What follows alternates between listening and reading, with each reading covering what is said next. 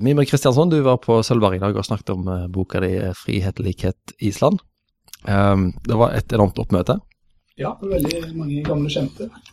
Ja, du, du, kan ikke ha så mange kjente, det var jo mange lærere og foreldre til venner. som er fornøyde med hva det er blitt av deg? Det virker sånn. Ja. Mm. Uh, denne boka handler jo både om et Island i krise og en Mimir i krise. kan du si kort hva de to krisene besto av? Ja, altså Islandskrise er vel kjent for de fleste. En finanskrise som begynte i 2008. Men eh, det er klart at eh, min personlige krise var jo det som jeg tror veldig mange folk i min generasjon har. En annen frykt for at eh, barndommen og ungdommen skal være over og voksenlivet skal ta til. En såkalt 30-årskrise som jeg tror nå forekommer helt nede i 22-årsalderen hos enkelte. Sånn at jeg dro til Island fordi jeg ville liksom prøve å leve som en, en friere mann enn jeg var i Norge. Og oppdager vel at frihet er litt oppslutt, altså. Mm, eh, du begynner jo boka med at du får et eh, skattekrav. Eh, og du flykter fra dette skattekravet? Ja, flykta og flykta. Det går ikke mulig i våre dager å flykte fra norske kemneren. Men det er klart at det var et siste sånn spiker i kista på at ting ikke var helt i stell i mitt eget liv. da. Så da tenkte jeg ok, jeg får bare prøve å, gjøre islendinger med i stedet. Men de første islendingene dro ut i Island fordi det var en gang i tida en, en trygg måte å slippe unna skatt på. Jeg var litt nysgjerrig på, på komposisjonen her. Hvor, eh, nå, nå, ligger boka som sånn er, men, men, hvor begynte dette prosjektet? Var det hele veien meningen at du, skulle, at du selv skulle være en så stor del av det? Jeg hadde først et sånt udefinert islandsprosjekt, islandstrang har holdt meg helt siden krisen og tenkt måtte gjøre et eller annet på det, skrive et eller annet på det. Og så har jeg hatt siden jeg var liten en sånn idé om at jeg må bo litt på Island og prøve det. Også. Men så var det jo plutselig en periode der jeg ikke lenger eh, hadde den faste jobben min, der jeg var singel, der jeg liksom hadde mye mer eh, frihet og muligheter. Så satt jeg hjemme og lurte litt sånn på hva jeg skulle gjøre. Og så tenkte jeg først på å prøve å realisere den islendingplanen for en gangs skyld. Så det kom litt sånn av og, og på, da. Men det er klart jeg dro til Island med en slags plan om å komme hjem med en bok. Så hvis ikke hadde jeg ikke hatt råd til det. Ja, for i boka kan en jo få inntrykk av at du ikke hadde At du ikke skrev eller gjorde ting. Du bare uh, traff folk og var en del på byen, men du skrev òg mens du var der, eh, eller? Det, jeg gjorde jo egentlig ikke det. Det er jo det jeg måtte gjøre all jobben når jeg kom hjem og hadde fått fast jobb på ny. Så når jeg var på Island, så ble det jo gjort fint litt eller ingenting. Det er det som er så merkelig med å ha god tid. Når du har god tid, så får du aldri gjort noe. Det tror jeg alle arbeidsløse og kan egentlig skrive under på hvor utrolig tidkrevende det er å ikke ha en jobb. Også. Hva lærte du om deg selv på Island nå? Kan du oppsummere det? Nei, Jeg lærte vel at, eh, at eh, det å være fri i betydningen uavhengig av andre mennesker ikke er noe bra for meg. Og jeg vil tro det gjelder veldig mange andre òg. Men bare for min egen del så er det jo f.eks. sånn at man kan drømme om å aldri måtte stå opp til en viss tid, aldri alltid kunne gå på byen når man har lyst, alltid kunne dra på en utflukt eller en reise. Ikke måtte tenke på en eller annen kjæreste eller noe jobb eller noe samboer eller alle sånne strukturer. Men når du lever det livet, så skjønner du jo veldig fort at det er ikke noe å trakte etter, tror jeg, for de aller fleste. Hmm. Når det gjelder den islandske krisen, så er det jo interessant eh, hvordan du beskriver det islandske lynnet. Eh, er det riktig å si at du kobler den islandske mentaliteten opp til det at de havna i en så voldsom eh, finanskrise? Det er flere elementer som er litt sånn særlig islandsk med den krisen. Det ene er jo bare størrelsen. At Island er et veldig lite land, og veldig mye av krisen preges jo av sånn kameraderi og kjennskap og vennskap. Når det kommer til selve Lunde, så er islendingene klisjeen selvfølgelig at islendingene er en risikosøker, mens nordmenn er liksom trygge. Og at islendingene har et litt uh, fordreid bilde til både regler og til sannheten. Og at det gir mye muligheter til å, til å drive kreativ bankvirksomhet. Men jeg tror nok at det er en sannhet i det at islendingene har latt seg fange og tro på at det var en fantastisk framtid som lå i det bankeventyret. At det skulle vokse seg inn i himmelen og bli utrolig for. Og det mangla et eller annet nivå av sunn skepsis og, og, og hva skal man si, kjedelighet som ville ha oppstått her i Norge, tror jeg. Ja, for det, det, det, var du inne på da du snakket på Sølvberg i dag òg. at eh, det, det, som slår meg som overraskende, er jo at jeg ville trodd at i et lite samfunn som Island er, så vil det være veldig tette bånd mellom makt og befolkning, og at, at tilliten, tilliten, vil være stor. Men det, det virker jo som det, det motsatte som har skjedd. Nå har jo tilliten kollapsa totalt, og det er 5% av islendingene som sier de har svært høy tillit til parlamentet. Som er helt uhørt i et slags vestlig demokrati. Men det er klart at tilliten var veldig stor, og alle islendinger kjenner hverandre. Og, og, det er klart at man har jo hatt et relativt uh, greit og, og, godt inntrykk av, av uh, politikken på Island. Men uh, her har man altså rett og slett i over lang tid solgt ut folkets interesser på vegne av en veldig liten gruppe rike som i stor grad har vært venner og slektninger av de beslutningsdagene som er tatt.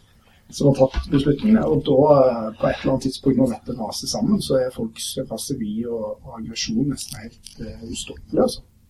Så per nå så er tilliten i det islandske samfunnet helt båndskrapt. Altså. Og det er jo sagt det veldig Det var også en sånn islandsk krisevits om at, om at um, neste gang en mann blir stoppa i en, i en um, fartskontroll, og så blir han tatt for fullkjøring, og så sier politimannen du må betale 15 000 kroner, og så sier den fulle slapp nå av, satt ikke vi alle i samme båt? Um, som er liksom For det var det som ble sagt veldig mye av bankfolk etter krisen. Vi er alle i dette sammen, vi sitter alle i samme båt. Men det er jo noen veldig få folk som har svindla et helt samfunn. Og det spesielle med at det samfunnet er så lite, er at alle vet jo hvem det er. Og det er jo veldig få folk. altså Det er ikke som i USA, så er det et eller annet sånn en eller annen størrelse, Goldman Sachs, et eller annet borte på Wall Street. Det er bare abstrakte begreper for de fleste amerikanere. Men alle islendinger vet jo at uh, Jonas Geir og, og Bjøggi og det, disse folka her, de vet jo hvor de har bodd, de vet jo hvor de har vokst opp, de vet jo hvem de er og hva de holder på med. Og, og derfor så blir også sinnet ganske ekstremt. Men, men uh, forteller dette noe om en, en dypere uh, svikt i det islandske systemet, at, at, at en ikke har uh, klart å, å, beholde den tilliten mellom uh, toppfolkene og befolkningen? Ja, det gjør det helt klart. og den svikten er nok at det finnes to ting her som, som lever side om side. Det ene er at Island har, til tross for at de har verdens eldste parlament, ikke veldig lange og gode, trygge tradisjoner som stat, som alle institusjoner er nye folk har liten respekt kanskje for regler og stat og, og en sånn man skal klare seg sjøl-mentalitet. Det er det ene. Og det andre tror jeg er at uh, det som egentlig har skjedd her, er jo at særinteressene i det islandske eliten har fått overstyre liksom, ideen om folkets beste. Dette eksisterte under hele dansketida òg. Islendinger som ble rike på danskenes nåde. Islandske sjømenn eller islandske stattholder eller ymse sånne ting. sånn at den ideen om at, at alle islendinger er liksom sammen mot verden, den ideen har jo høyrepartiet på Island, som heter Selvstendighetspartiet, levd på alltid. Og i veldig mange år har jo hatt rett. Men det som jo for første gang kanskje på Island blir veldig veldig synlig, er jo at islendingens verste fiender for tida er jo andre islendinger og ikke dansker eller eh, amerikanere. eller hvem det skal Du har jo skrevet bøker om de, de rike i Norge før. Er, er rikfolk på Island annerledes enn norske rikfolk? Ja, de er helt galne. Altså, de er jo ganske sprø i Norge òg, men på Island så har man helt mista kontroll over, over de, eh, i hvert fall i finansvikingene. Altså, finansviking er jo et ord de sjøl brukte om seg sjøl, um, og som de også fikk eh, Den islandske presidenten gjentok også en sånn tale at de er liksom i som gjør oss gode forretningsmenn. og sånn. Så at du kan bare ta Øystein Stray eller eh, Jon Fredriksen eller Steinar Hagen og så ta tigangen, liksom. Dette er folk som faktisk også har vært rikere i perioder, og som har drevet med business i stor svindelskala. liksom, og der, Man har ikke hatt noen kontroll på det. Og De har følt seg som konger som herrer over verden, og som vikinger. Og, og, de eide jo en periode egentlig Westham fotballklubb, og de drev jo med alt mulig galskap. Og disse folka ja, hadde Elton John flydd inn på bursdagen og sånt. Så det er jo et helt sinnssykt system, og det er det som skjer når du mister kontroll med rike folk i landet ditt. Det som er bra med janteloven, så stopper du sånne ting. Når jeg leste boka di, så, så uh, fikk jeg inntrykk av at du på, på en måte omfavna denne islandske yolo mentaliteten med at de lever i øyeblikket og de tar store risikoer og sånne ting. Uh, hva, er, hva, er, den vanligste misforståelsen nordmenn har om, om islendingene? Det er interessant, egentlig. Altså, jeg tror at den vanligste misforståelsen nordmenn har om islendinger, er faktisk at islendinger er veldig annerledes enn nordmenn. Og nordmenn har på en eller annen måte en annen slags Det virker som nordmenn ikke skjønner at Island kommer fra Norge. Altså Hvis man forteller nordmenn f.eks. at islendinger, som er veldig mange islendinger, de tror på alvor, det virker veldig rart i Norge. Men i Nord-Norge så tror jo folk på alt mulig slags skrønt og rare greier. Og man drar jo til Snåsamann, liksom. Og sånn. Og når Island var liksom hipt og kult på 2000-tallet, så var det jo mange i Norge som så på Island men det er som en slags Reykjavik var en slags sånn Nordens Tokyo, liksom. Men Reykjavik ligner jo mest på Bodø. Du skal si at det ligner på en by. Og, og, og, og den islandske bilkulturen det finnes på alle norske distrikter. altså Det er så enormt mye av Island som det finnes speil av igjen i Norge. da. Så det er klart at, at eh, nordmenn det at de ser på islendinger på en måte som et eller annet fremmed. da. Du ser det i språket òg. Islandsk er et veldig fascinerende og helt merkelig språk, men det er jo bare vårt språk, altså det norske språket. Så man har glemt litt de felles båndene, tror jeg. En mm. veldig vanlig misoppfatning i islendinger om nordmenn er at nordmenn er gjerrige, som er en utbredt, en utbredt oppfatning på Island. Men, men uh, gjerrig i islandsk betydning betyr det kanskje bare sunn fornuft, eller? Ja, man at det finnes en litt sannhet i det. Islandingen har jo en veldig sånn, det finnes også på bygda i Norge, men Islandingen har en veldig sånn nesten sjølutslettende sånn gjestfrihetskultur. At du skal alltid kunne slippe inn en fremmed. og At det har bare vært nødvendig at det var sånn, for at det å reise fra et sted blir sånn et annet er livsfarlig eh, før du har bil, liksom. Og da har man på en måte alltid måttet ta imot folk og, og hjelpe dem. Så den mm. gjestfrihetskulturen er liksom islendingene veldig mm, stolte av. Og den eh, er kanskje nordmennene delvis eh, bryter med når de fører litt regnskap og teller litt på kroner og det, Liksom. Så, ja. hm. så en veldig morsom ting som mange nordmenn ikke vet om Island, og veldig morsom fun fact, er at det er veldig mange flere islendinger enn nordmenn som er redde for uh, lyn og torden. Og det kommer at det er ikke så mye lyn og torden på Island. Det er liksom, det er sånn ligger det til. At der er det ikke så mye lyn og torden. Så mange islendinger som ikke har eh, så mye erfaring med det. Redde på hvilken måte da? Hva gjør de? Nei, de, altså, det er jo helt Det finnes jo folk i Norge som kaster seg gjennom bordet når det er et lyn. Og islendinger gjør det, men jeg tror det er flere som syns det er litt skummelt eller ugreit. Mens det på en måte storm, det er nok mer islendingenes eh, vær. Det tar jeg nok til god Det går greit. Eh, litt tilbake til, til, arbeidsmetodene dine, for du har jo skrevet i en del forskjellige format etter hvert. Du har jo skrevet for uh, TV-programmer, og du har skrevet flere bøker, og du er til vanlig nyhetssjef i Klassekampen. Hvordan, hvordan, jobber du med språket i ei bok versus uh, i en, uh, det som skal bli en avisartikkel? Er et godt spørsmål. Det er jo jeg vil jo bare si at det å skrive en avis tror jeg for de aller fleste forfattere er ekstremt god trening. Ehm, det er bare noe med at selve liksom, treningen for at du må hamre ut er at du må levere, og du må gjøre ting. Men jeg skriver jo over det veldig mange flere ganger. Altså, jeg, jeg, bruker jo uendelig mye mer tid på det i avisartikler, så tenker jeg alltid nå er på kontoret, så fuck it, liksom. Dette får bare stå på trykk. mens, mens, i en bok så går jeg gjennom og ser på, prøve liksom å tilpasse og, og, sånne ting. Men det som jeg har brukt lang tid på å lære, og som er sikkert drawbacken med å være journalist i utgangspunktet, er jo det å bygge opp en helhetlig stor historie, og ikke bare mange tekstblokker og bolker.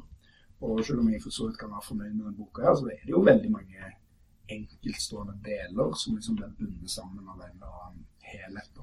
Og det kommer jo av at eh, jeg er vant til å skrive enkeltstående ting, og ikke vant til å liksom tenke en hel fortelling fra start til slutt. Mm. Eh, nå er jo eh, boka ute, og den er nominert til Kritikerprisen for beste sakprosa for voksne. Du nevnte jo eh, i dag og i boka di at det er jo Du skriver jo i en islandsk tradisjon hvor du gjerne eh, Historien går foran alt. Så, har du litt dårlig samvittighet for å bli nominert for sakprosa, eller er du innafor eh, Eh, Altså den, den, formelle definisjonen av sakprosa er jo bare at du er jo ikke at det er sant, men at du har en kontrakt med leseren om at de tror på en måte på at det er sant, at du gir det ut for å være sant. Så sånn sett kan jo veldig mye av mitt opplegg passe godt inn i det. Men det er først og fremst samme ting som står der. altså. Denne sjangeren har man holdt på med noe lenge nå. altså. Det samme med den havboka til Morten Strøksen som også er nominert. så Der er det også en sånn slags spøkelsesaktig mareritthistorie. Er også en sånn bok. Det tviler jeg veldig på at har skjedd. altså. Både min og Strøksen. Er lett mitt tilfelle og Strøksens tilfelle har ikke den. Sånn at man har jo en, en fakta, en, en, masse, masse fakta man vil formidle. Eh, og både, begge disse bøkene er jo fulle av faktaopplysninger. Det er jo enormt mye, tror jeg, læring i dem. Men så bygger man en rammehistorie rundt der man flytter på ulike bestanddeler og, og fikser på ting. Men det en forskjell på, på, på, en måte å lage en historie og lyge direkte, da, i mine øyne. Og det er dette som er det islandske skalda-løyvet. da. At man liksom kan eh, Man kan trikse litt til ting for at det skal liksom gå i hop. Men det er jo veldig mye vanligere i saker sånn generelt enn det var før. Før fant mm. mm. Ja. Har du takketalen klar i tilfelle du får prisen? Nei, det har ikke det. Altså, så jeg eh, får ta Halvor Laksnes sin takketale fra Nobelprisen og bare gjenta den. Hva var det han sa? At han hadde alltid lært å være god med menneskene og de fattige av sin eh, bestemor. Så det er hans eh, store tale. Hmm. Nå er jo eh, boka ute, som sagt, og det er gode kritikker, og du er nominert til priser og sånt. Er, hvordan står det til med disse krisene som eh, den tar utgangspunkt i? Det, kan vi blå, avblåse din og Islands krise, eller hvordan er tilstanden? Nei, altså Foreløpig kan man jo avblåse min, men hos meg så er jo som en kvise. og Jeg er jo sånn type, så jeg er jo i kvise tre ganger til dagen. Så det kommer sikkert fort tilbake. Men på, på Island så er det jo en dypere kvise, um, som er mer alvorlig, og som um, neppe kan avblåses. Som handler veldig mye om politikerforakt, og at folk flytter fra øya, og at det er et sammenbrudd i tilliten mellom de som styrer landet, og de som lever i det, som er veldig, veldig høy. Mm. Ser du noen utsikter til at det vil bedre seg innenfor kort tid? Nei, ikke umiddelbart, men det er klart at nå har piratpartiet på Island 40% på målingene, og de er iallfall ikke et parti fra uh, de etablerte politiske elitene. Så det er mulig at et sånt valg kan bidra til å gjenopprette en slags skjør tillit mellom befolkningen og politikerne.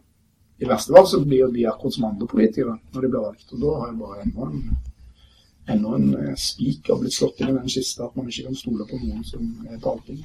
Så vi får se. Det er valg neste år. Skal du tilbake igjen eh, med det første? Ja da, jeg skal tilbake flere ganger i. Men jeg skal jo bruke mine islandsferieuker på å følge Island i EM i Frankrike. Så jeg skal være en del av den islandske kolonien her. På, på, jobb eller som privat? Nei, som privat. og sånn, så Jeg må få med det. altså. orker ikke å jobbe. Hvordan tror du det går med dem? Jeg tror de kan gå videre fra gruppespillet. Um, det tror jeg. Og de er, et, de, er et, um, de er ikke med i EM pga. flaks. De er med i EM fordi de er et skikkelig bra fotballag. Og jeg var en gruppe med Nederland og Tyrkia og Tsjekkia og gikk videre. Så var det første laget for en gruppe som kvalifiserte seg. Så nei, de er skikkelig gode. Mm. Tusen takk for at du snakket med oss.